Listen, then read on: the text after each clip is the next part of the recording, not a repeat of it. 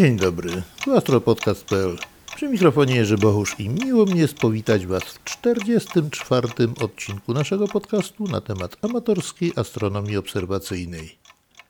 W dzisiejszym odcinku, kontynuując nasz cykl planetarny, pomówimy sobie o następnej planecie naszego Układu Słonecznego, ósmej z kolei licząc od Słońca, czyli o Neptunie. 13 marca 1781 roku William Herschel odkrywa Urana. Oczywiście była to pierwsza planeta, nikomu wcześniej nieznana. Nikt nie podejrzewał, że taka planeta istnieje, choć obserwowano ją, jak się za chwilę okaże, i odkryta przy użyciu teleskopu.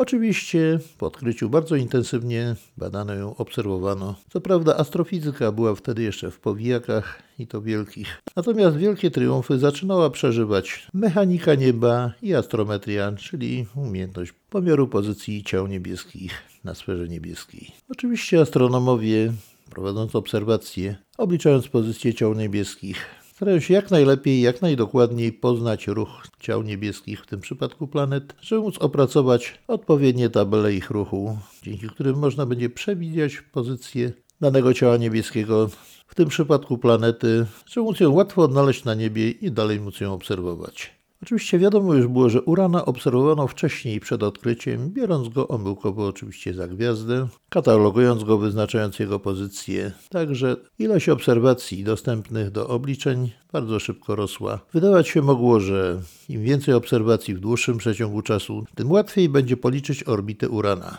Niestety okazało się to coś wręcz przeciwnego. Mianowicie pozycje obserwowane nijak się nie zgadzały z pozycjami obliczonymi. Początkowo nie wiedziano nawet dlaczego, ale w każdym razie był to fakt obserwacyjny i trudno było z nim polemizować. Co się okazało? Okazało się, że ruch Urana jest perturbowany nie tylko przez Saturna, Jowisza, największe, najcięższe planety, a także przez jakiś inny czynnik, który nie pozwala dokładnie policzyć pozycji tej planety i zawsze zmierzona pozycja zaobserwowana odbiegała od pozycji obliczonej. Te perturbacje nie dawały spokoju astronomom, nie wiadomo było co o tym sądzić i dlaczego one występują. Po 40 latach obserwacji Urana w 1821 roku Alexis Bouvard publikuje tablicę orbity Urana. We wstępie zastrzega się, że dawniejsze obserwacje przedodkrywcze nie zgadzają się z obserwacjami obecnymi, następują duże rozbieżności, a w zasadzie następują one coraz większe. Na zakończenie swojej wypowiedzi stwierdził, że prawdopodobnie następuje niedostrzeganie jakiegoś innego oddziałującego na planetę wpływu. Jaki to mógł być wpływ? Albo oddziaływanie jeszcze jednej dalszej planety, albo też załamanie się prawa grawitacji, co podejrzewał na przykład astronom królewski Airy. Otóż jak Newton twierdził, grawitacja działa odwrotnie do kwadratu odległości. Oczywiście nie znano dokładnie przyczyn, dla, dla, których to działało, nie znano dokładnie jak to działało. I niektórzy astronomowie myśleli po prostu, że na krótkich dystansach, powiedzmy sobie między Słońcem a Saturnem, te prawa działają, a później załamują się i następuje jakaś modyfikacja ruchu planety. Czy tak było naprawdę, czy nie, nie wiedziano. To były tylko przypuszczenia. Przyczyn mogło być kilka i zupełnie różnych. Jednak w końcu astronomowie coraz bardziej skłaniali się ku przypuszczeniu, że najprawdopodobniej te perturbacje spowodowane są istnieniem jeszcze jednej planety na zewnątrz orbity Urana. Już w 1841 roku młody student astronomii w Cambridge mianowicie John Cox Adams, postanowił sobie, że jak tylko ukończy studia, zdobędzie dyplom, to już jako zawodowy astronom zajmie się tym zagadnieniem i postanowił sprawdzić, co się naprawdę dzieje, dlaczego ten ruch Urana jest tak perturbowany i obliczenia nie pasują do obserwacji. Oczywiście założył, że te perturbacje powodowane są przez inną, jeszcze dalej niż Uran, okrążającą Słońce planetę. W czym rzecz w ogóle? Na czym te perturbacje polegają? Zjawisko to jest bardzo proste, chociaż w praktyce niezmiernie skomplikowane. Postaram Wam się je tak pokrótce naświetlić, żebyście mniej więcej wiedzieli, chociaż w przybliżeniu o co chodzi. Przyjmijmy przedtem za pewne założenia upraszczające zagodnienie, co bardzo ułatwi nam zrozumienie tego zjawiska. Wyobraźmy sobie, że w tej chwili wokół Słońca tylko krąży tylko jedna, jedyna planeta i w dodatku porusza się po orbicie kołowej. Wiadomo, że taka planeta będzie poruszała się ruchem jednostajnym. W ciągu roku czasu gdyby to była na przykład Ziemia, obiegnie Słońce i potem z powrotem będzie dalej obiegać cały czas z jednakową prędkością, w jednakowej odległości od Słońca. I tak będzie w przypadku pojedynczej planety. Co by się stało natomiast, gdyby była jeszcze jedna planeta, obiegająca Słońce dalej niż Ziemia? Oczywiście Ziemia krążyłaby szybciej niż dana planeta. Byłaby przyciągana nie tylko przez Słońce, ale i przez tą planetę, a ta planeta byłaby przyciągana również przez Ziemię. Ponieważ grawitacja, zgodnie z trzecią zasadą Newtona, działa w obie strony. Jedno ciało działa na drugie, a drugie tak samo oddziałuje na pierwsze. I teraz co się dzieje? Ziemia w swym obiegu dookoła Słońca powoli dogania tą planetę. Jest coraz bliżej niej. A skoro jest coraz bliżej, więc oddziaływanie grawitacyjne między tą planetą i Ziemią wzrasta. Ziemia przyspiesza nieznacznie, planeta tamta zwalnia. Gdybyśmy obserwowali jej ruch na tle gwiazd, stwierdzilibyśmy, że planeta zwolniła swoją, swą prędkość i zajmuje pozycję nieco inną, niż żeśmy pierwotnie obliczyli, nie uwzględniając tych perturbacji. Z chwilą, gdy Ziemia minie tą planetę, Następuje proces odwrotny. Ziemia zwalnia, a planeta troszeczkę przyspiesza i zajmuje pozycję nieco dalszą na swej drodze niż ta, którą została obliczona. Oczywiście są to odchylenia nieznaczne, ale już dosyć dobrze mierzalne. Czasami mogą dochodzić nawet do kilku minut kątowych, a to już jest łatwo obserwowalne. Notabene, żeby nie być gołosłownym, to przypomnę Wam, że Johannes Kepler, który opracowywał po śmierci Tychona Brachego jego obserwacje Marsa, stwierdził, że istnieje między obliczeniem a obserwacją 8-minutowy błąd w pozycji. Oczywiście, mógł przymknąć na to oko, uwzględnić, że to był błąd obserwacyjny. Na szczęście nie zrobił tego, tylko dokładniej przyjrzał się zagadnieniu. Próbował jakoś rozwiązać i w końcu dzięki temu wpadł na to, że planety poruszają się po elipsach, a nie po okręgach. Ponieważ nijak te obserwacje nie dały się dopasować do okręgu, dawały ten 8-minutowy błąd, natomiast przy, po przyjęciu założenia eliptyczności orbity ten błąd się niwelował i wszystko się zgadzało.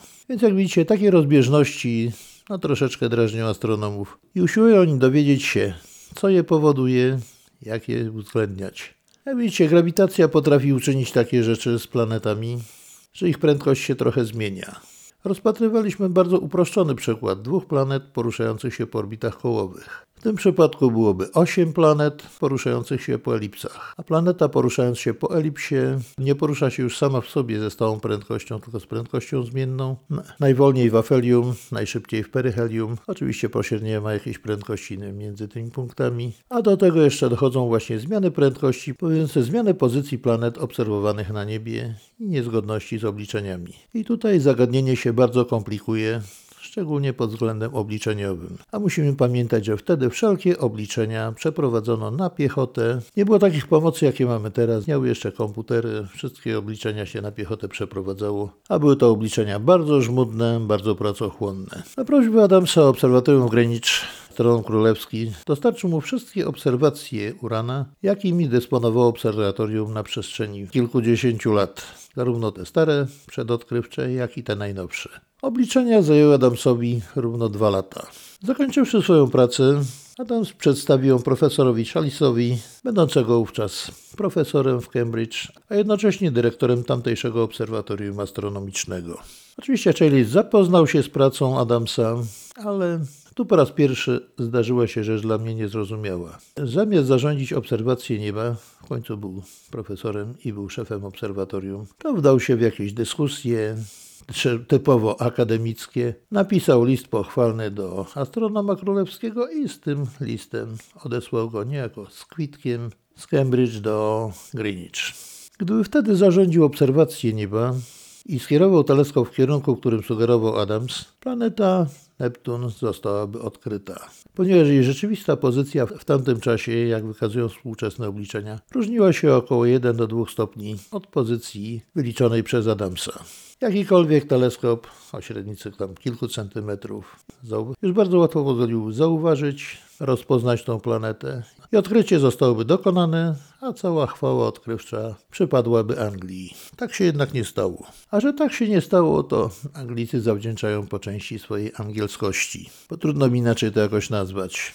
A może w tej chwili jest to inaczej, ale wtedy, w tamtych czasach, to właśnie wszystko tak się dziwnie odbywało. Adams pojechał do Greenwich, ale niestety nie zastał Airego, astronoma królewskiego, ponieważ ten akurat przebywał we Francji, oglądając jakieś falochrony w Cherbourgu.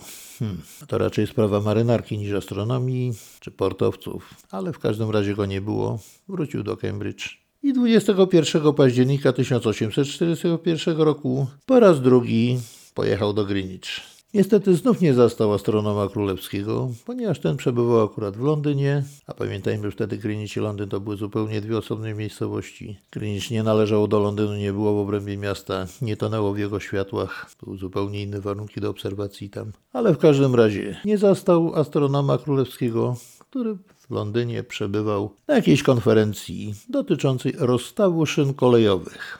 Hmm, no, astronomia z rozstawem szyn kolejowych, ale wtedy musiał astronom królewski widać być na każdym ważniejszym posiedzeniu. Według mnie to było zagadnienie typowo dla inżynierów kolejnictwa, a nie dla astronomii, no ale wrócił. Pojechał, nie zastał. I okazuje się, że Airy jak wrócił, to nie otrzymał wiadomości, że Adams był u niego i usiłował się z nim spotkać. Chcąc jak najszybciej sprawdzić swoją pracę, sprawdzić, czy rzeczywiście ta planeta gdzieś tam istnieje, gdzie obliczył, a może jednocześnie też i pragnąc trochę sławy odkrywcy.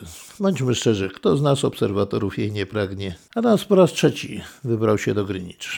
Znowu miał pecha. Tym razem służba domowa nie dopuściła go astronoma królewskiego, aż ten właśnie spożywał obiad. No cóż, znowu angielska angielskość.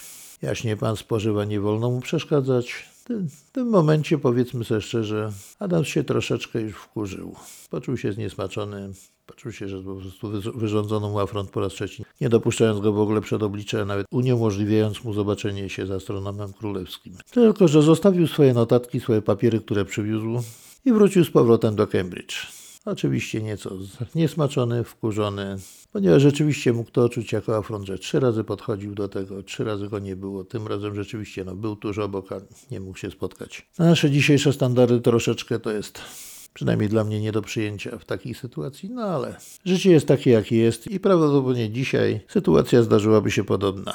Kiedy już Airy ze smakiem skonsumował swój obiad, przekazano mu te notatki i nawet nie poinformowano go, że młody człowiek był i je przyniósł osobiście i chciał się z nim spotkać. Airy był przekonany, że to przyszło pocztą. Oczywiście przejrzał te notatki, ale podchodził do nich tak dosyć sceptycznie. Napisał list do Chailisa, napisał również do Adamsa, ale Adams już nieco zbulwersowany i powiedzmy sobie szczerze wkurzony nie odpisał. Natomiast Chailis raczej sceptycznie odnosił się do pracy Adamsa, bez większego entuzjazmu że najprawdopodobniej te obliczenia nie są wartościowe nie tyle z powodu błędów matematycznych, czy z powodu, no, trudno w tej chwili powiedzieć jakich. W każdym razie nie odniósł się do tego z entuzjazmem. Raczej powiedziałbym, że nawet lekceważąco.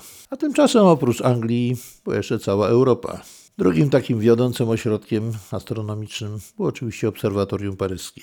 W tym czasie jego dyrektorem był Dominique Arago, a wraz z nim w obserwatorium pracował Urbain Le Verrier, który też interesował się tym zagadnieniem też usiłował wyjaśnić nierównomierności i rozbieżności między obserwowanym a obliczonym ruchem Urana. Opublikował nawet pracę na ten temat, z tym, że w pierwszej swojej pracy nie zajmował się przyczyną, czyli inną planetą, która by powodowała perturbacje w ruchu Urana, ale samymi perturbacjami po prostu określając je i stwierdzając, że są coraz większe.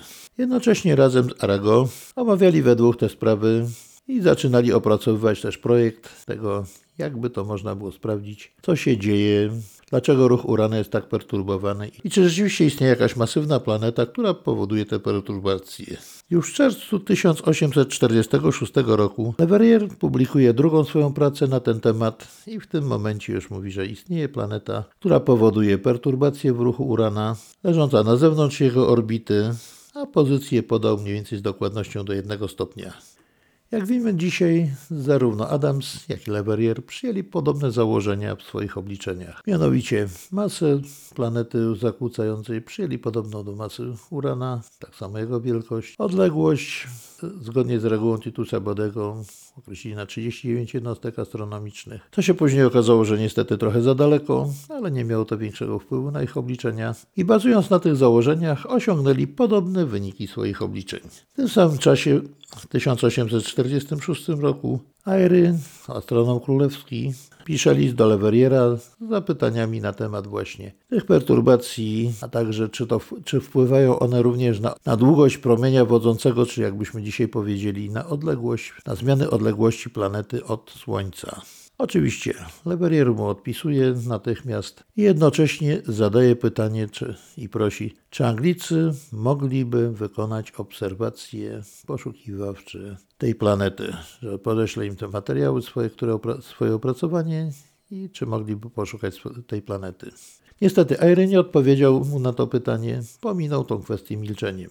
Ale zanim dostał list od Alveriera, wcześniej zapoznał się z jego publikacją na temat położenia planety i po prostu, można powiedzieć, wpadł w panikę. Dosyć rozpaczliwie nieomalże zaczął nawoływać Chalisa do wykonywania obserwacji do podjęcia jak najszybciej, bo to może zaowocować odkryciem nieznanej planety. I bardzo dobrze. Tyle tylko, że Chalis Jakoś nie kwapił się do tego za bardzo. Stwierdził, że to będzie dosyć żmudne, długotrwałe obserwacje, wymagające duże, du, dużego nakładu czasu i pracy, a skoro będą długotrwałe, to nie ma co się spieszyć. W ten sposób dopiero 29 lipca 1846 roku Czelis rozpoczął swoje obserwacje poszukiwawcze. Od tej pory wydarzenia zaczynają nabierać tempa. 31 sierpnia Leverrier publikuje swoją trzecią pracę i podaje dokładną pozycję nieznanej planety. 2 września Adams posyła Eremu nowy zestaw swoich własnych obliczeń. Nie doczekawszy się odpowiedzi z Anglii, 18 września Leverrier pisze list do Johanna Galego do berlińskiego obserwatorium Urania, prosząc o wykonanie obserwacji poszukiwawczych w pobliżu pozycji, którą im podał. List dociera do Berlina 21 września. Johann Gale będący pracownikiem tego obserwatorium, zwraca się do dyrektora obserwatorium z prośbą o pozwolenie wykonania taki, tych obserwacji. W tym czasie dyrektorem tego obserwatorium był znany skądinąd Enke. Oczywiście może nie tyle z przekonania, ile z uprzejmości. Zgodził się na obserwację, mówiąc: Zróbmy więc uprzejmość tym panom z Paryża. Korzystając z tego, że była dobra pogoda i zapowiadała się niezła noc obserwacyjna, Gale podjął obserwację jeszcze tej samej nocy. W międzyczasie młody, kończący studia astronom Heinrich Darest, skądinąd znany potem naukowiec, zaproponował Galemu, że, że można by wypróbować przy okazji tych obserwacji zestaw nowych map, które akurat sporządzono w obserwatorium i dalej kolportowano je po wszystkich obserwatoriach niemieckich. Była to dobra możliwość wypróbowania dokładności tych map i jednocześnie kompletności ich i obiektów na nich naniesionych. Tak więc, gdy zapadły ciemności, Gale zasiadł przy teleskopie Nieopodal niego przy stoliku zasiadł Darest. Na stoliku miał lampę, tak przysłoniętą, żeby nie przeszkadzała Galemu w obserwacjach i lampą tą oświetlał swoje mapy. Wychodząc z ustalonej pozycji, Gale zaczął podawać kolejne gwiazdy, które przechowywały się w polu widzenia Darestowi, a ten potwierdzał ich istnienie na mapie. I tak wszystko szło, dopóki Gale nie zobaczył błękitnawej gwiazdy około 8 magnitudo. Zgłosił ją do Dersta, a ten mu odpowiedział nicht auf der Karte. To znaczyło nie ma na mapie. I w ten sposób kolejna planeta Układu Słonecznego została odkryta. W około godzinę po rozpoczęciu obserwacji. Oczywiście wykonano jeszcze szereg obserwacji kontrolnych, sprawdzono czy się porusza, bo to było podstawą żeby określić, że to jest planeta. Przyjrzano się dokładniej temu obiektowi. Był oczywiście większy, wykazywał malutką tarczkę, średnicę około 2 sekund kątowych. Nie za bardzo, ale mimo wszystko nieco różnił się od, od obrazów pozostałych gwiazd stałych. Także po paru dniach, pod koniec września, nikt już nie miał wątpliwości, że odkryto nową planetę w Układzie Słonecznym. Oczywiście Francuzi i Niemcy triumfowali. Obserwatoria zarówno w Paryżu, jak i w Berlinie miały swoje święto. Święto odkrycia nowej planety, powiększenia Układu Słonecznego. Oczywiście niekwestionowanym odkrywcą okrzyknięto Leverriera, ponieważ to on obliczył i wskazał nieomalże palcem, gdzie należy szukać, natomiast Niemcy dali przysłowiowy pokaz niemieckiej precyzji i dobrej organizacji. Skoro pogoda pozwalała, przystąpili do obserwacji natychmiast jeszcze tej nocy, organizując sprawnie obserwacje, co musiało zaowocować odkryciem tej planety. Poza tym to Gale i Darest byli pierwszymi ludźmi, którzy zidentyfikowali ten obiekt, nie uznali jej za gwiazdę, tylko właśnie za nową, nieznaną planetę naszego Układu Słonecznego. Oczywiście wielkie splendory spadły na Leverriera, tak samo na Arago, tak samo na Niemców, jako nazwijmy to wykonawców odkrycia. A co się działo w tym czasie w Anglii? Trudno się dziwić, że była tam dosyć ponura atmosfera, ale mimo to Anglicy próbowali jakoś wyjść z twarzą. Przede wszystkim Sir William Herschel, znany już, uznany bardzo astronom, napisał i opublikował taki list pochwalny, że mimo wszystko Adams dokonał takich samych obliczeń równorzędnych, praktycznie wyliczyli tą samą pozycję planety w tym samym miejscu na niebie, więc osiągnięcie Adamsa było równie dobre pod względem matematycznym, tyle tylko, że no, miał pecha, nie mógł. Nie zostało wykorzystane jego obliczenie, tylko jego kolegi, jednocześnie rywala z drugiej strony kanału La Manche. Natomiast Shellis tłumaczył się gęsto, że zrobił tam 3000 obserwacji gwiazd i tak dalej, bla bla bla, za ten czas, ale kiedy dowiedział się 1 października o odkryciu, zakończył swoje długotrwałe i żmudne obserwacje. No cóż, tłumaczył się gęsto, że miał jednocześnie jakieś obliczenia komentarne, robił i tak dalej, i tak dalej. To akurat jego tłumaczenia się nie trzymały się kupy. Co się okazało? Okazało się bowiem, że cztery razy w tym czasie obserwował nieznaną planetę i nie potrafił jej zidentyfikować. Tym również ostatniej nocy obserwował ją, widział i też dopiero po fakcie zorientował się, że to jest mu pod, pod nos podstawione, że to właśnie jest planeta. No, trochę niepięknie się zachował. Dlaczego? Nie wiadomo. Wygląda na to, że nie dowierzał za bardzo tym obliczeniom. Zlekceważył to trochę, podszedł to, mówiąc brzydko, no, niechlujnie. Chociaż inne słowa cisną się w tym momencie na usta.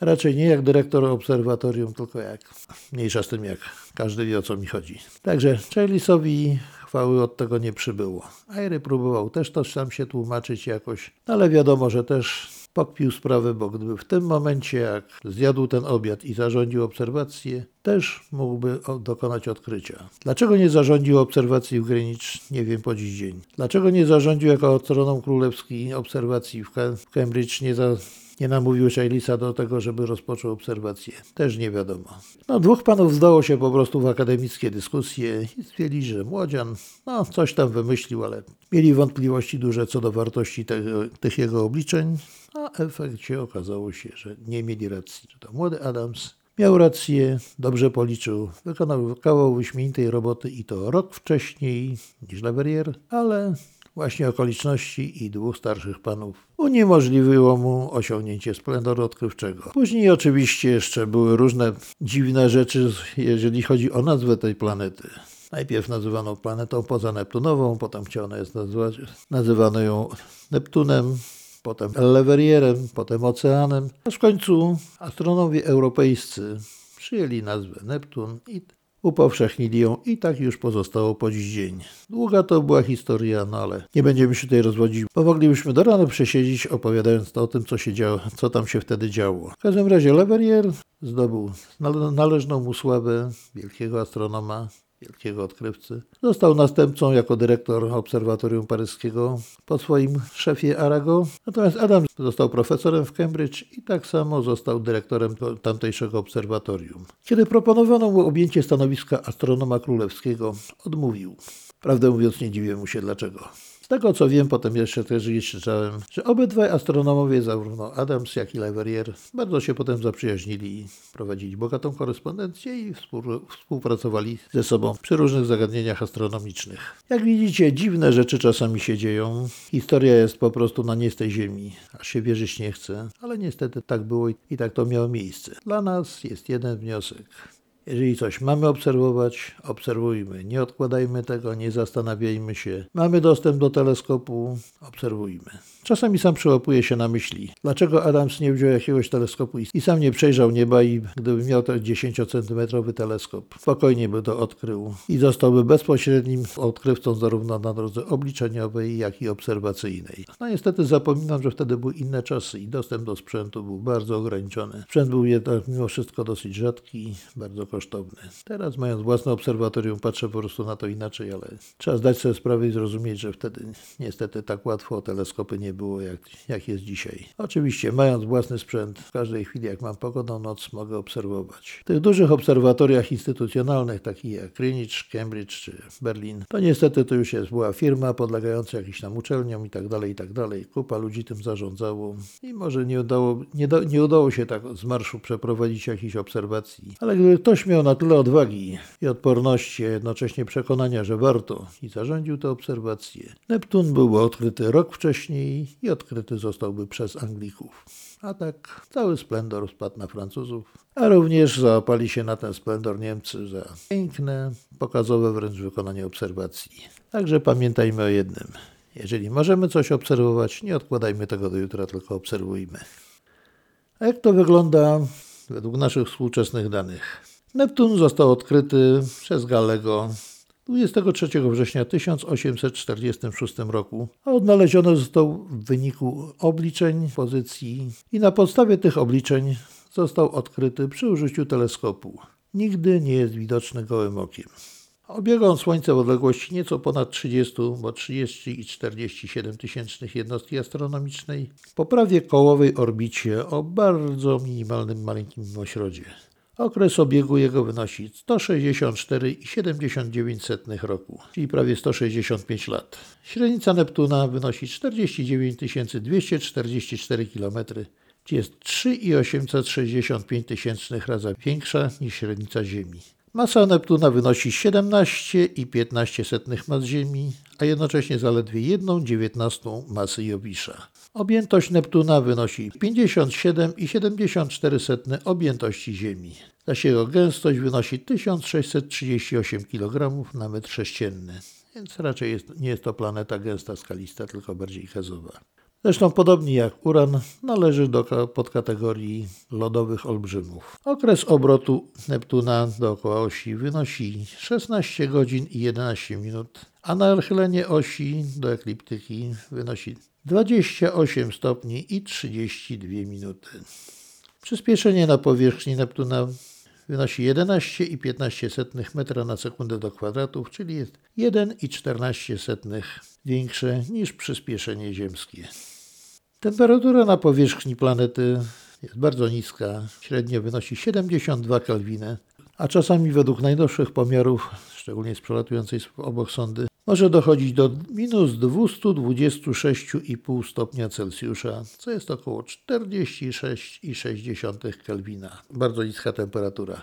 Natomiast według obliczeń teoretycznych w centrum, przy jądrze planety, panuje temperatura zaledwie 5100 stopni Celsjusza. Natomiast wiatry wieją z niewiarygodną prędkością, podobno aż do 2100 km na godzinę. To jest gigantyczna prędkość, coś mi się tutaj ociera o prędkość dźwięku. Ale nie mam też pojęcia, jaka jest prędkość dźwięku w tych warstwach atmosfery Neptuna, w których te wiatry wieją. Atmosfera zaś składa się w 80% z wodoru, 19% helu, do 1,5% metanu, a także w atmosferze zawarte są zawiesine drobne kryształy lodów metanowych, wodnych, a także amoniakalnych. Neptun posiada 14 księżyców. Największy księżyc Tytan został odkryty już 17 dni po odkryciu Neptuna przez Williama Lassella. Drugi księżyc, Nereida, średnicy zaledwie 300 km, został odkryty w 1949 roku przez Gerarda Kuipera. Pozostałe księżyce są bardzo malutkie, drobne, praktycznie niewidoczne z Ziemi, może chyba przez te największe współczesne teleskopy. Co ciekawsze, Tryton ma orbitę nachyloną o 140 stopni do równika Urana, czyli obiega go ruchem wstecznym po orbicie praktycznie kołowej. Natomiast Nereida obiega mniej więcej w okresie roku, naszego roku ziemskiego po bardzo wydłużonej orbicie. Praktycznie prawie że kometarnej orbicie, także w momencie najbliższego zbliżenia do Neptuna przebiega 7 razy bliżej niż w momencie największego oddalenia. Jest to najbardziej ekscentryczna orbita Księżyca, jaka występuje w Układzie Słonecznym. A jak to wygląda z naszego obserwatorskiego punktu widzenia? Otóż jasność Neptuna wynosi od 7,7 magnitudo do 8 magnitudo. Zmienia się w tych granicach, czyli jest mniejsza niż galiloszowych księżyców Jowisza, a średnica tarczy waha się w granicach od 2,2 sekundy do 2,4 sekundy kątowej. Jak widzicie jest o wiele mniejsza niż średnica Urana jest po prostu bardzo malutka, znikoma. I niestety w ten sposób musimy stwierdzić, że Neptun ma nam niewiele do zaoferowania pod względem obserwacyjnym. Naszym sprzętem, jakim dysponujemy, możemy zauważyć jedynie jego tarczkę, bardzo małą, taką lazurową, niebieską. Spowodowany jest kolor oczywiście tym, że metan zawarty w atmosferze pochłania czerwoną część widma światła słonecznego, a odbija część niebieską. Uran posiada też słaby system pierścieni, ale praktycznie z Ziemi nie zobaczymy ich. Naszymi teleskopami na pewno. Istnieje co prawda wzmianka, że ktoś raz kiedyś dawno temu obserwował pierścienie, ale to jest tylko jedna niepewna informacja, nigdzie nie potwierdzona. Także możemy sobie podarować tę możliwość. I chociaż zjawiska atmosferyczne na Neptunie są bardziej intensywne, bardziej widoczne, ponieważ występują tam zarówno chmury, jak też i ciemne plamy, będące gigantycznymi burzami, coś takiego w rodzaju odpowiednika wielkiej plamy czerwonej na Jowiszu, to naszym sprzętem, nawet bardzo dużym, nie zauważymy tego z Ziemi raczej na pewno. Do tego potrzeba już naprawdę olbrzymich teleskopów współczesnych, żeby na tej małej tarczce coś zobaczyć. Zauważmy też, że zdolność rozdzielcza teleskopu takiego o średnicy 10 cm wynosi nieco ponad 1 sekundę kątową łuku, a średnica kątowa tarczy Neptuna ma zaledwie 2,3 sekundy średnio. Dobra, w opozycji 2,4 sekundy. Czyli praktycznie nasza zdolność rozdzielcza takiego przeciętnego teleskopu będzie sięgała mniej więcej połowy średnicy tarczy. Jest to bardzo mała zdolność rozdzielcza i bardzo małe możliwości obserwacyjne stwarza. Jeżeli weźmiemy sobie większy teleskop, powiedzmy sobie w idealnych warunkach, gdzie będzie te pół sekundy łuku, to będziemy mogli ewentualnie zobaczyć szczegóły wielkości 1 czwartej, w najlepszym razie 1 piątej wielkości tarczy całej planety. To jest naprawdę bardzo mało i tu już jest astronomia ekstremalna wymagająca potężnego sprzętu i idealnych warunków obserwacyjnych, które nie, a nie dysponujemy najczęściej ani jednym, ani drugim. Dopiero teleskop Hubble'a przelatujące sondy w pobliżu, jak dotychczas przeleciała tylko jedna, a także gigantyczne współczesne teleskopy naziemne z adaptywną optyką pozwalają na zobaczenie pewnych szczegółów na powierzchni Neptuna. My jako amatorzy raczej nie nastawiajmy się na to. Cieszmy się, że potrafimy zidentyfikować, zobaczyć gdzie jest na niebie i przez dłuższej obserwacji po paru godzinach stwierdzić, że jednak jest to planeta, że wykazuje się pewnym ruchem wśród gwiazd, co od razu eliminuje z układu gwiazd. Na więcej pod względem obserwacyjnym raczej nie liczmy. I na koniec, jako taką ciekawostkę, powiem Wam jeszcze tyle, że, że już Galileusz widział Neptuna podczas swoich pierwszych obserwacji teleskopowych. Mianowicie widział go 28 grudnia 1612 roku i 27 stycznia 1613 roku, kiedy to Neptun przebywał bardzo blisko Jowisza. Niestety, teleskop Galileusza był zbyt mały i zbyt słaby, aby dzięki niemu móc stwierdzić, że Neptun to jest planeta, a nie gwiazda stała. Także Galileusz zaliczył go do gwiazd stałych. I niestety, mimo że chociaż widział go, nie możemy mu przyznać miana odkrywcy, ponieważ nie wiedział, że jest to planeta. Zresztą prawdopodobnie wtedy był bardziej zaabsorbowany obserwacjami Jowisza i jego księżyców, żeby zwrócić uwagę na jakąś małą gwiazdkę będącą w pobliżu. Tym niemniej współcześnie możemy powiedzieć, że chociaż nie został odkrywcą, ale był pierwszym człowiekiem na świecie, który widział Neptuna. I to już wszystko na dzisiaj.